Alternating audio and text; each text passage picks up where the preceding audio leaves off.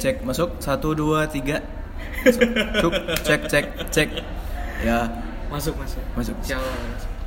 nanti masih gue edit lagi apa langsung langsung Oh. berarti wes masuk Iya udah masuk balik lagi bos. Jadi di podcast, wih deh podcast. Aku aku jujur sekarang ngomong podcast tuh agak malu loh kan. kenapa kenapa Jadi kayaknya tuh semua orang bikin podcast, semua orang pengen ngobrol gitu loh. Nah, Ah. sekarang jadi bahasa podcast tuh kayak udah sisi gitu loh pak. Ya kita ngomongnya ngobrol-ngobrol aja karena emang aja. podcast ya. Podcast Jadi ini aku bikin podcast namanya Tahu Batas Pan. hmm. Tahu batas itu sebenarnya adalah bentuk pemikiran dan keluh kesahku sih sebenarnya Ya. Eh, soal batas-batas manusia. siap siap Jadi yang aku ajak ngobrol di sini juga orang-orang yang aku menurut pengamatanku nih ya, hmm. Dia itu berada di batas manusia Hmm. atau di atas batas manusia misalnya. oh siap oh I see paham Nah, paham, gitu paham, gitu. paham. Nah, nah, menurut Ivan nih, Hmm. batas kamu sendiri sebagai manusia itu sampai mana, batas sendiri untuk sebagai manusia Hmm, menurutmu nih bebas terserah dari segi manusia mungkin dari segi dari segi dari segi manusia itu sebenarnya yang dari 23 tahun kita hidup ya pak ya Iya, iya. promosi podcast Nggak, bro. nggak, Gak apa-apa. Nggak. Mungkin mungkin bisa nanti aku Iya. gali dari situ. Nah, di usia Iya. yang 23 tahun. 20 kenapa? 23 tahun itu eh, aku pribadi sama teman-teman juga mulai ngerasa kalau konflik itu tuh banyak Hmm. konflik itu tuh banyak terus juga terus eh, banyak hal yang perlu kita pertimbangin Hmm. banyak hal yang harus kita perhatiin lebih detail lagi gitu. Eh, batas kalau misalnya ditanya pribadi batasan sebagai manusia nih ya banyak Ben Gak usah, gak usah berat-berat kasih satu sih misalnya aku mengam- ngamatin kamu itu dari awal kuliah. Kita kebetulan Ya, temenan kuliah kan. dari awal sebelum masuk kuliah ada matrikulasi Iya, matrikulasi. kelas perkenalan Iya, itu, Nah, gitu. dan di mana di situ ada kosa kosakata blower Jadi gini Wan, di aku ngamatin itu di semester semester mau akhir Wan. Hmm. Di semester semester akhir itu aku lihat kamu agak jarang masuk ke kelas, bener kan? ya jarang pak Jarang banget masuk ke kelas. Aku kan dulu waktu punya pacar dulu juga jarang satu Iya, kelas ya jarang, kan, bener kan? Hmm, bener. Nah itu kamu tuh ke mana sih sebenarnya? terbawa arus pak Terbawa arus. terbawa arus Nah berarti arusnya tuh arus apa nih? arus kehidupan Arus kehidupan kenapa? Arus Iya cerita. kehidupan. lah. Iya, cerita. Ya, cerita yang gambaran umum aja. oke gambaran umum ya Eh, kalau misalnya kita mulai bahas dari hubungan sabi kali ya mulai dari yang ringan dulu nih Iya, boleh, mulai dari ringan dulu nih. Siap. semua orang kan pasti punya tuh hubungan Ah, ah, ah. pasti ngerasain yang namanya hubungan Hmm. Kemarin hub, apa aku tuh terbawa terbawa arus sama hubungan Hmm. hubungan yang aku menganggap itu serius tapi itu cuma cinta monyet gitu loh Ben gini Hmm, berarti itu perbedaan batasnya di situ ya ya? perbedaan batasnya di situ jadi kemarin itu aku melupakan batasan yang di mana saya saya itu cuma sebagai mahasiswa jangan mikir ke mana-mana selain main kerja nyari main kerja sama hubungan Hmm. kemarin yang lewat itu tuh hubungan Hmm. kampusku tinggal Ya. kampusku tinggal terus apa lagi ya Eh, teman-teman juga mulai jarang kumpul bareng Terfilter ya? bukan terfilter juga sih Ben Apa sih? jadi gini selama SMA itu aku nggak pernah punya pacar Hmm, Masya. demi Allah nggak Oh, pernah iya, punya pacar iya. jadi begitu kuliah bebas gitu kan bebas kena dunia baru gitu ada yang datang ya Akhiratnya- kenapa nggak? akhiratnya tertinggal. ada ya akhiratnya pahit gitu Terus terus terus. jadi kemarin itu tuh saya aku terbawa arus untuk berhubungan Hmm. dan kebawa arusnya itu bener-bener kebawa Ben Hmm. yang seharusnya aku punya teman Hmm. aku punya eh, jenjang kuliahan Hmm. itu sempat geger karena aku lebih memilih untuk punya hubungan itu Oh berarti kalau bisa aku simpulin nih ya, maaf Hmm. maaf. Berarti hubunganmu sendiri itu sudah melanggar batas batas dari Iya, kamu sendiri. bener Hmm. karena itu eh, sebuah kesalahan Hmm. nggak apa-apa sih karena aku ngelihat dari semua masalah itu jadi pelajaran gitu loh Ben untuk ke depannya jangan sampai Bener, gitu bener. lagi Eh, udah sempet pacaran itu setahunan ya setahunan. Aku lupa dong. Aku juga bodo amat sih Eh, udah lupa. setahunan ya, Udah setahunan, udah setahunan. Sekarang apa bener-bener gimana gimana, gimana ya ngerasa salah banget gitu loh men Hmm. ngerasa salah banget Ya, Salah banget sama hubungan- siapa nih? hubungan ini salah salah untuk diri sendiri Hmm, gitu terus. karena aku lebih memilih hubungan serius sampai aku kehilangan teman-teman Hmm. aku kehilangan masa-masa kuliahku Hmm. dua hal itu yang bener-bener aku hilang Oh. waktu zaman kuliah Hmm. Jadi untuk pelajaran yang kemarin aku lepas dari batasan di mana harus tahu diri dalam berhubungan itu aku salah Nah, ini pasti kan ada. Jadi kalau menurutku pribadi ya, Hmm. manusia tahu batasnya itu ketika ada satu pemikiran, satu kejadian. Hmm. Jadi misalnya nih, aku dulu waktu pernah eh, naik motor, aku belum bisa naik motor, Hmm. nyoba melampaui batas gitu lah ceritanya. nah Nekat karena emang jadi jadi bulian kan dulu kalau nggak bisa naik motor sendiri. ya benar Kalau nekat eh, jatuh nabrak pagar aku dulu. Kepalanya benjol serius. Nah, dari situ tuh dari situ kita jadi mikir gitu loh. Eh, kenapa aku harus ngikutin eh, apa kata orang-orang yang belum tentu terbaik buat kita gitu. yes Nah, apa yang bikin kamu kayaknya ini udah deh di luar nah, ini eh, tentang pemikiran ya, bukan kejadian, Ya. kejadian-kejadian Tentang nih, pemikiran tentang gimana men Nih, nih gimana tanya sama kamu? apa kok bisa sampai kok bisa sampai udah nih kayaknya gitu. udah nih kayaknya di mana nih udah nih kayaknya aku harus Hubungan. ngakhirin hubungan Ah, ini gitu. Uh, sampai akhirnya itu ya ada titik jenuh ada titik kita mulai sadar Mulai sadar. mulai sadar mulai pemikiran itu lebih matang daripada sebelumnya apalagi dengan tahapan tahun Iya sih. tahun itu kan bukan waktu yang sebentar Benar, benar. rasa loh tahun itu kan bisa diibaratin dua semester 12 bulan 12 bulan. Ya, banyak Pak. Berapa SKS itu? Ya berapa SKS? banyak pak. Semakin matang pemikiran kita dan mulai mulai sinkron lagi nih. Kalau misalnya kita udah kebawa arus hubungan, Hmm. itu yang main hati, nggak logika pak. Hmm. Kalau misalnya udah kebawa arus apa, udah mulai kebawa arus sama kayak gitu, udah kan mainnya hati. Tapi semakin dewasanya umur kita, semakin banyaknya kita ketemu fase-fase baru, logika kita, logika kita mulai sinkron sama hati lagi Hmm. logika kita mulai sinkron sama hati lagi dan di situ mulai sadar bahwa ini salah Eh, aku mau tanya gini. di di bulan keberapa Mhm. kamu ngerasa hati sama pikiranmu tuh udah nggak lagi connect di bulan ke 12 tahun ada kali Ben ya cuman di di bulan ke-12 ya ya, bulan ke 12 ke setahun cuman di titik itu aku ngerasa wah hubunganku udah jauh udah selama ini dan rekor punya hubungan selama ini nih gitu. lanjutin padahal aja lah. sebelumnya belum belum pernah ya padahal sebelumnya belum pernah walaupun aku mulai ngerasa di situ mulai kehilangan teman-teman. Hmm. mulai ngerasa kehilangan momen-momen berharga waktu kita zaman kuliah. Itu sih. Mantap.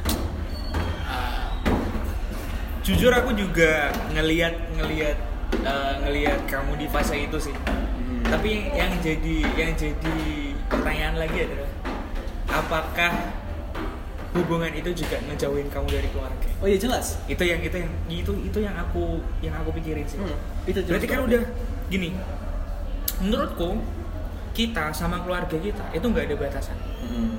tapi kalau ada orang yang ngasih batas antara kita dan keluarga mulai terforsir. Jadi sama Ivan kerasa sih pusing. kerasa sih kemarin. Tuh lebih milihin pacar dibanding saudara Nah, saudara kumpul nih teman-teman kumpul nih. Aku masih pacaran nanti tuh eh masih bisa ketemu. Gitu. Hmm. aku duduk kopi dari Van. Lah makanya apa nah terus terus. Lah yang bikin salah yang bikin salah itu ya di situ tuh Ben. Hah? yang bikin salah satu hal sepele Hmm. kecil Hmm. tapi itu tuh fatal dari situ tuh. Kita mulai jauh dari keluarga dekatnya sama pacarnya itu. Itu salah. Berarti di si pasanganmu ini mantan pasanganmu ini berarti juga nggak aman Van. Oke oh iya. Di pasanganmu ini juga di, eh, apakah ada usaha buat mendekatin keluargamu juga nggak sih? Kalau untuk keluarga aku yang mendekatkan. Berarti dia Jadi- nggak ada andil. Nggak ada oh nggak nggak Nggak ada? oh. Nanti sensor ya bos. Terus terus terus lanjut hmm.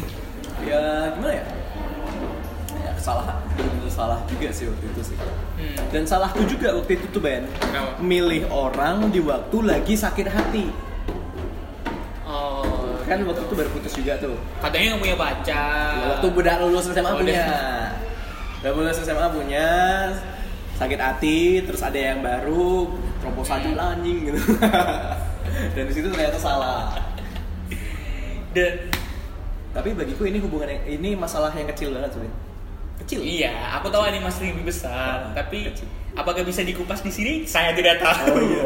Nah, salah satunya yang uh, relate sama hubungan itu adalah ketika aku tahu semenjak kamu di hubungan itu kamu jadi orang yang sangat pekerja keras sekali. Iya dong, Iya, iya ah, kan? Nah, itu alasannya apa? wah ini di luar konteks hubungan pak Oh di luar konteks hubungan. Di luar konteks Tapi hubungan. kenapa mulainya di hubungan itu? Karena aku mikir nih, uh, memang hubungan itu butuh biaya ya kan. Iya, jelas. Tapi uh, untuk usahamu di fase itu itu di luar batas pan lagi iya jelas menurutku. Karena kamu orang perantauan kan, Mhm. orang perantauan pasti biaya hidupmu juga kamu pikirin sendiri. Di, di, di- harus diatur sebagaimana kamu juga ngolah batasmu di mana kamu harus makan, yes benar ya kan? Mhm. Nah itu apakah ada hubungannya yang erat sekali sama hubungan itu? iya ah, iya ada Ben Oh, ada yang? Jadi tuh? di di luar kita bahas hubungan, hidupnya manusia itu kan pasti berputar ya pak ya. Ya, ya, ya, berputar, pasti. Pak. Dan di waktu itu kan aku mulai hubungan masih waktu mulai hubungan sampai punya hubungan itu itu masih untuk finansial masih ada. di awal hubungan Di awal hubungan itu finansial masih tercover lah, Cover. Tercover eh, apa, tuh namanya Eh, pengat- pengaturan pengeluaran pemasukan masih baik. Nah, karena aku inget banget kamu awal kuliah itu naik mobil. Hmm. Sampai akhirnya mobilku jual. Nah, terus terus. terus. Mobilku jual itu karena adik juga waktu itu mau kuliah. Hmm. Adik waktu itu mau kuliah, biaya masuk kampus kan lumayan pak. Iya Adikku juga masuk kampus itu. Sensor nyetit gitu. Gak apa Udinus. Kita alumni. Udinus, Udinus, Udinus.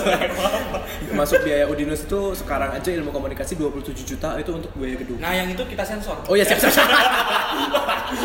terus terus. ya pokoknya sekitar 50 jutaan lah. 50 jutaan, adik juga butuh motor di sini. Hmm, Gak mungkin bergantung sama kamu terus ya. Hmm, terus juga mobil kan waktu itu plat BH masih plat. Eh ya sen- enggak sensor itu bener-bener platnya BH gitu. iya.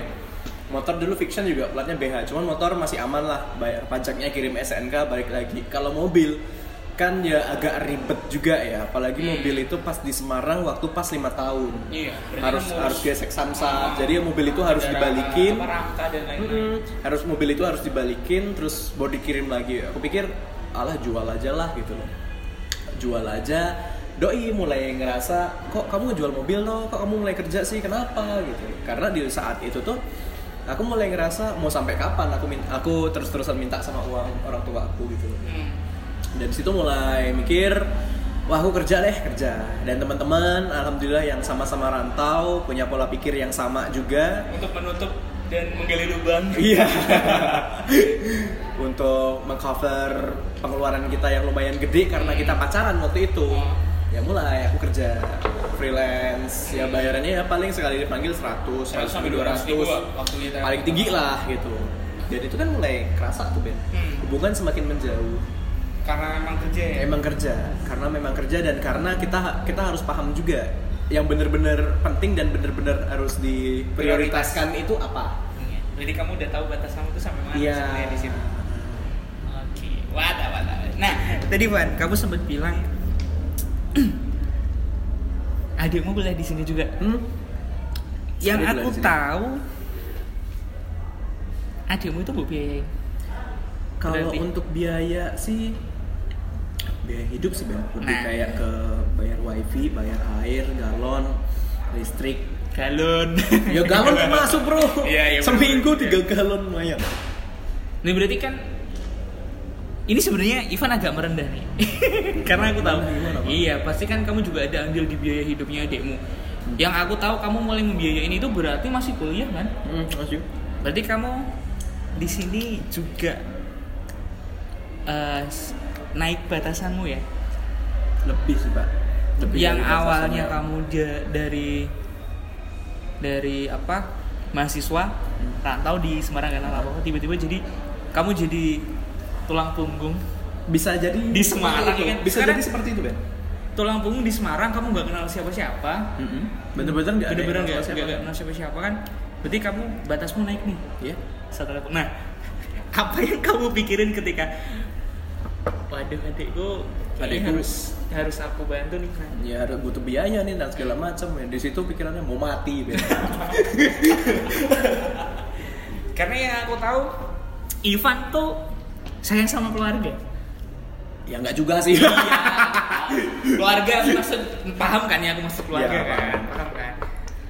Iya kan? Masih kamu memutuskan untuk ya udah membantu itu satu langkah yang menurutku besar karena eh, di kondisimu itu itu kayaknya susah untuk ngambil keputusan. Nah ini itu ya di luar konteks hubungan ya berarti hmm, ya. udah udah kita hubungannya kita singkirin dulu nih kita singkirin dulu. Nanti aku di telepon banyak orang jangan dong.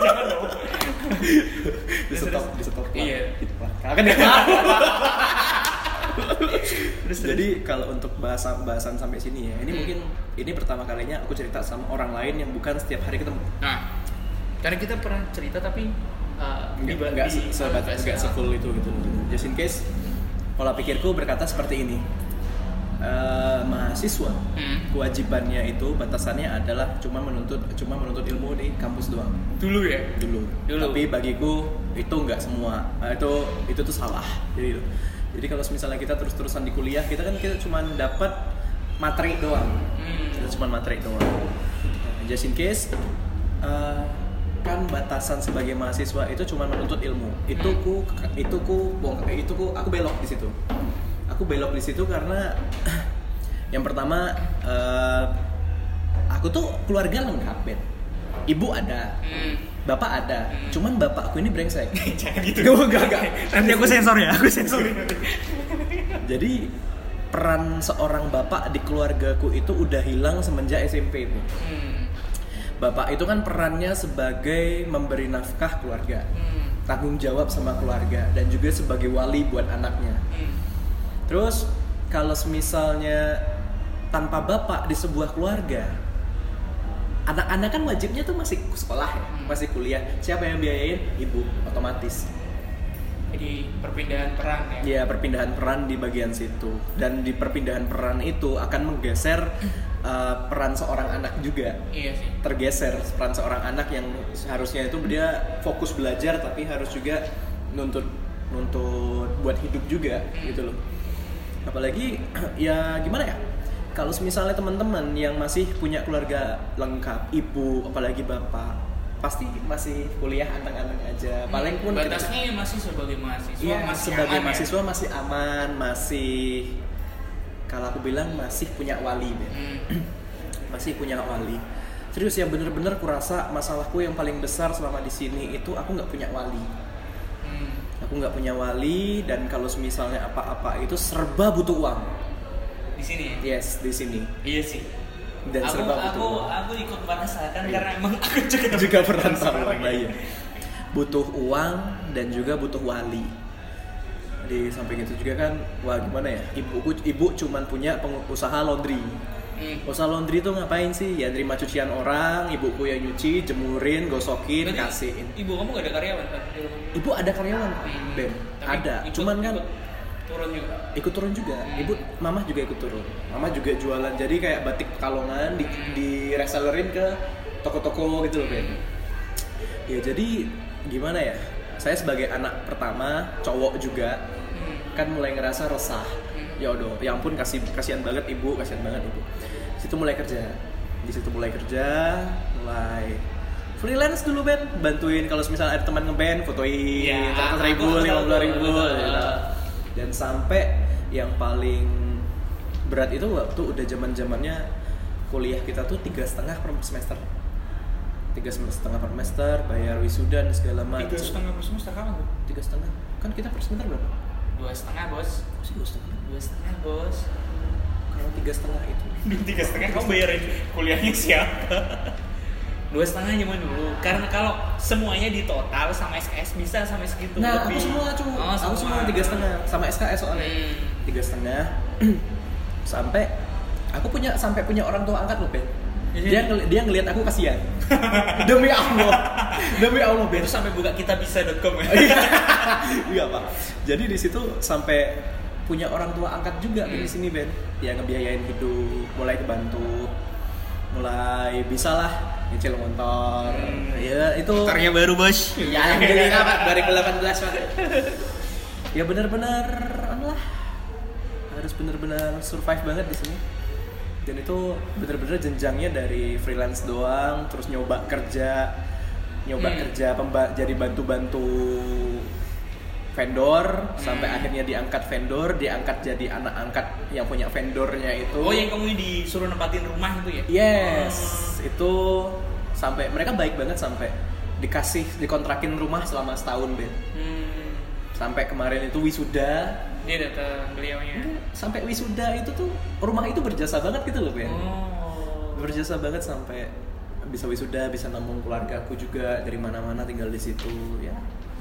Tapi intinya yang yang aku yang aku yang aku ambil dari dari dari semua ceritamu ya kan, Hmm. setiap kamu naik batas itu ada rasa syukur dan ada yang ada pertolongan dari Tuhan tuh yang Iya. yang kita nggak nggak nggak pernah tahu. Kapan sih kepikiran kita ikut vendor tiba-tiba dikasih rumah? Nggak ada yang tahu. Nggak ada yang tahu, nggak ada yang kasih tahu Nggak ada yang juga. ngasih tahu kan. Jadi eh, menurutmu Sebagai kamu? Nyesel nggak melalui batas-batas itu? Kalau untuk nyesel sih enggak sih Ben. Kalau nyesel itu enggak malah lebih bersyukur sih. Iya bersyukur. Mantap bos. Bersyukur karena ngerasa bersyukur itu nggak ini bukan kita bukan mikirnya anjing sombong nih Nggak. kita mikir nggak apa wah gak usah ngelebihin lebihin diri sendiri. Hmm.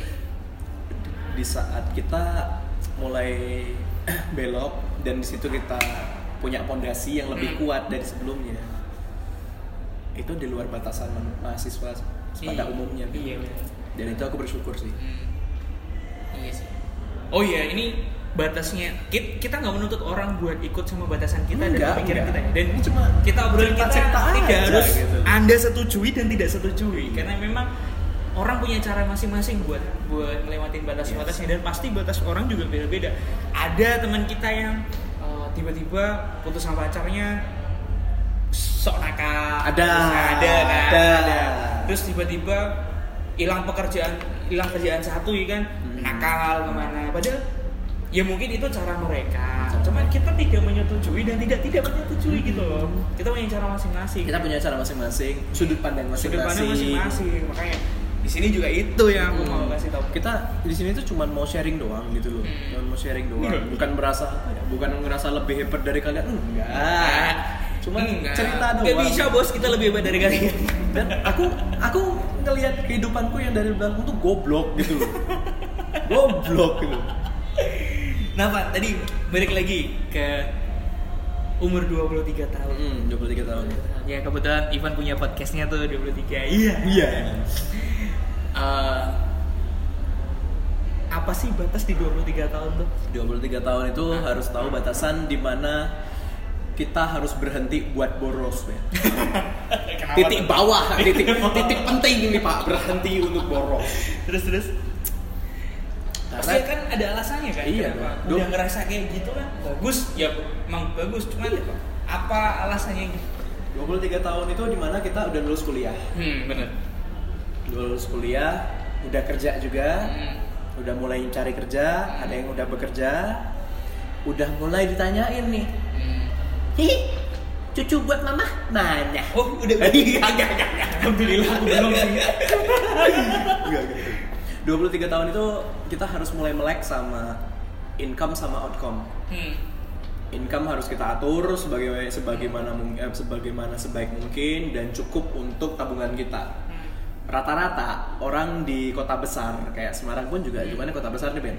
Teman-teman kita yang seangkatan itu pada nggak punya tabungan. Nah. Pada nggak punya tabungan terus sama tujuan hidupnya itu belum ter- belum tentu jelas. Hmm. gitu loh. Jadi kayak kebawa arus aja lah alah ikutin aja lah. Alah masih ada mama. Berarti mereka nggak tahu batasnya diri. Iya karena telat. Sebenarnya telat itu juga bagus kalau menurutku sih bukan telat sih Pak sebenarnya. Standar batas orang yang kayak gitu tuh terlalu tinggi.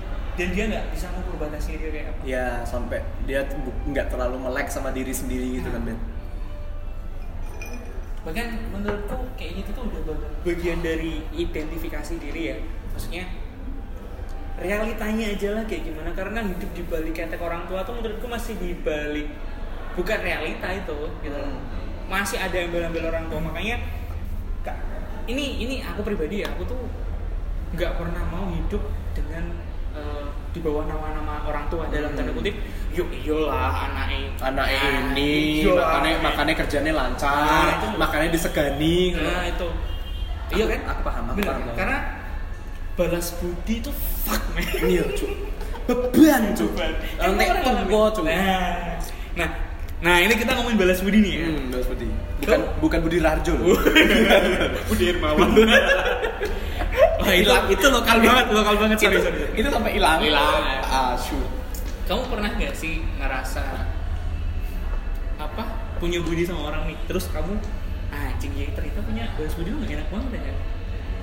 Ini Kita- dalam artian karena yang mengasih budi ini itu punya efek negatif loh, punya dampak yang negatif buat kita loh.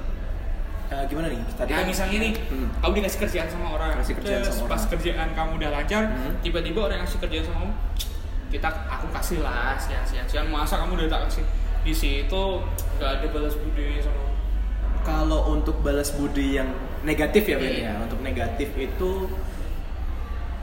alhamdulillah dikit Ben dikit dan hampir nggak ada Hampir nggak ada. hampir nggak ada dan syukur teman Alhamdulillah Tuhan melindungimu Iya, ya. alhamdulillah. Kasihan tuh kan. Kasihan tuh. Ya Allah, anak ini gitu gitu. Si tinggal kayak. Alhamdulillah nggak ada kayak yang masukin aku ke vendor itu Hmm. Mas Bagas baik. Bagas baik. Ah, salam buat Bagas baik. Iya. Anjing kamu Bagas. Ceritanya gini, Fen, Hmm. Bagas baik itu. Van, dia udah dibayar vendor itu dua hari buat bantu foto. hmm. Jadi kasih 600 ribu Hmm. buat dua Zaman hari. dulu zaman dulu. zaman dulu. Zaman dulu 600 ribu Ben. Itu buat udah banyak banget sih. Banyak pak. Dua hari bisa 600 ribu itu syukur banget. Dibangkatin dia hari Sabtunya. Hmm. Hari minggu minggunya itu dia pengen ketemu pacarnya di Jogja. Emang Bagas baik emang attitude-nya kayak gitu sih. akhirnya dia ngubungin aku Van minggu free free. Gimana? Gantiin aku mbokan 300 ribu sehari. Oh ya gelem. Itu yang pacarnya nggak jadi sama dia? Iya. Gitu oh gitu. Jadi itu aku utang budi sama dia dan cara aku membalas adalah di waktu sekarang dia udah punya vendor aku waktu itu bareng sama dia vendor. Tiap ada peker- ada kerjaan lebih terus ada kerjaan yang aku butuh orang. Hmm. Aku kasihin ke dia kalau nggak dia aku ajak jadi kita maju barengan gitu loh Ben. iya mantap itu harusnya gitu memang. Dan kalau untuk apa? Eh, gue kan wis tak kasih itu tak udah tak kasih relasi. Terus kamu kok sombong sih? kamu Nah, kok ada kamu kan? kok lupa sama aku sih gitu. Hmm, gimana tuh pasti ada lah Kalau misalnya kayak gitu paling ku bilangnya ku ku apa tuh namanya? Ku bilangnya gini. Ya sabar, belum ada yang rame. Kalaupun ada rame paling nanti ku kasih kok. Ya kita, kita aku lebih memilih untuk ngalah ngeredain. ternyata kamu lebih sabar ya Pak? Ini lebih sabar pak. Saya lebih sabar pak. soalnya kalau aku tuh aku nggak nggak aku menghindari menghindari itu sih menghindari karena eh, ada pengalaman lah secara pribadi gitu loh di mana ternyata balas budi tuh fuck dan itu bebannya sampai mati Ya sampai tua. pernah sampai mati makanya kalau ada orang nih eh, nawarin kerjaan Hmm. biasanya nggak aku ambil van tapi aku kasih ke temanku Hmm. Ingat kan dulu aku pernah mau ngasih project foto produk dan lain-lain Mhm. sering kayak gitu. Dan- Cuman apa sih ke orang lain? Dan orang yang apa tuh namanya tuh? Orang yang ngasih itu prosesnya sama kamu nggak apa gimana gitu? Ada konflik di situ? Enggak, Nggak ada kan? Karena aku nggak mau. Ya emang sih mungkin salah ya. Tapi kan orang ngasih batasnya kan beda-beda nih. Aku batas ketika aku nggak mau balas budi ya kayak gitu. Dan kalau mau kerja sama aku ya harus jelas dan kalau udah udah gitu loh nggak usah sampai di Bahas-bahas lagi di nggak kemudian karena, hari. oh, karena sama aja kamu ngeremehin potensi dari kamu sendiri gitu loh Hmm. menurutku ya Hmm. karena kayak eh, dikasih kerjaan sama orang tua terus paling itu yang paling ada yang paling aku gak mau tuh kayak gitu tuh Dikasih kerjaan sama, orang tua. kan. Orang saya tua ini orang tua sendiri. orang tua kamu punya perusahaan gede nih Hmm. terus nah terus kan wah terusin aja bro gitu kan Hmm. ya kan? Dan ini pasti kan perusahaan ada keluarga. nah itu itu gak enaknya di omongan orang luar dan orang dalam itu aku nggak suka iya isi Hmm, paham sih suka kan itu biasanya orang lu karena orang luar itu ngelihatnya iri hmm, karena tahu segi sih ya. iri nggak tahu sih iya karena ngelihat dari segi iri kalau Hmm. misalnya dari orang dalam ngelihatnya anak emas Nah itu aku apa ya? Itu ini aku sendiri ya sekali lagi aku nggak- nggak mau kayak gitu menghindari. Makanya aku dari lulus dari lulus kuliah Hmm. aku nggak mau di rumah karena karena aku nggak mau mandang orang lain orang lain aku nggak? Orang lain lihat aku tuh ngapain aja di rumah paham paham, itu ya omongannya banyak ya. Mm-mm, males gitu. Malah karena nggak selamanya juga deket sama orang tua tuh baik ya bener. Manja kan nah, ini sih. Kita nggak bisa nge-explore diri kita secara lebih? Manja itu menurutku adalah menutup batasan diri. Hmm, branding bro. Itu ya beda konteks karena malas-malasan lu bos. Beda beda. Manja itu adalah orang menutup batas diri. Nggak bisa ngukur lah dia mau kayak gimana coba. Eh, iya. Kan? be- apa tuh malas buat ngeliat Hmm. malas buat ngintip. Ya susah. Jadi sekarang kerjaan udah lancar ya? Mul- mulai fase-fase new normal itu muncul nih timbul pungut mantap. Jadi yang aku bisa ambil ya Van dari sudut pandangmu itu yang aku ambil itu tadi batasan itu pondasi. Yang aku ambil tadi itu batasan pondasi. itu pondasi. kita punya fondasi yang lebih kuat dibanding orang lain. Terus juga kalau misalnya circle kita punya masalah yang pernah kita alamin kita bisa Hmm. membantu. Membantu bukan dalam artinya ya aku dong ini. Bukan Ya, kan kita bisa setidaknya itu ngulurin tangan jangan sampai dia jatuh terlalu lama. Hmm, soalnya di waktu aku jatuh itu aku bangkit sendiri Ben. Iya sih. Bangkit sendiri. Soalnya kamu sempat ngilang ngilang beberapa bulan kan itu? Iya bener-bener. Itu tak isi buat nyari itu susah Ben buat bangkit sendiri itu. Bener serius. Susah. Dan kalau misalnya punya teman dekat apalagi saudara yang dia kayak ngalamin kayak ngalamin kayak gitu setidaknya kita bisa nge-support dia hmm. nge-support dia terus juga kalau misalnya dia bisa ngelihat ngenilai itu alhamdulillah positif alhamdulillah Hmm. kalaupun dia ngenilai itu biasa aja ya udah setidaknya Hmm. kita pernah membantu kita niat membantu nah ini ini bahasan kita yang terakhir nih Van hmm. adikmu berada di sini ya ada di sini kamu nanti akan ngasih batasan sama adikmu tuh kayak gimana? Karena aku yakin mungkin kamu orangnya oke terserah kamu, tapi kan kamu punya pakem-pakem tersendiri kan. Karena aku yakin meskipun kamu seorang anak ya, Hmm. karena di latar belakang masalah tertentu kamu bakal juga akan jadi kepala keluarga, bener Hmm, kan? bener. Nah, itu gimana? Batas yang kamu kasih ke adikmu? batas yang kasih sama adikku kalau bisa adikku itu eh, fokus buat pendidikannya dulu. Hmm. jangan sampai ngerasain apa yang tak alamin kemarin Hmm. karena apa buat cewek itu berat Hmm. dan belum tentu semua orang juga bisa dapat jalan-jalan tertentu Iya gitu loh. sih. jadi batasanku sama adikku jangan sampai dia ngerasa susah dah Hmm. itu doang Mantap. jangan sampai dia susah Adikmu namanya siapa? Nanda Nanda, beruntunglah Anda punya kakak seperti ini ya. Hmm, dia nggak pernah nonton podcast pak nontonnya Korea Enggak. terus Yaudah, terima kasih.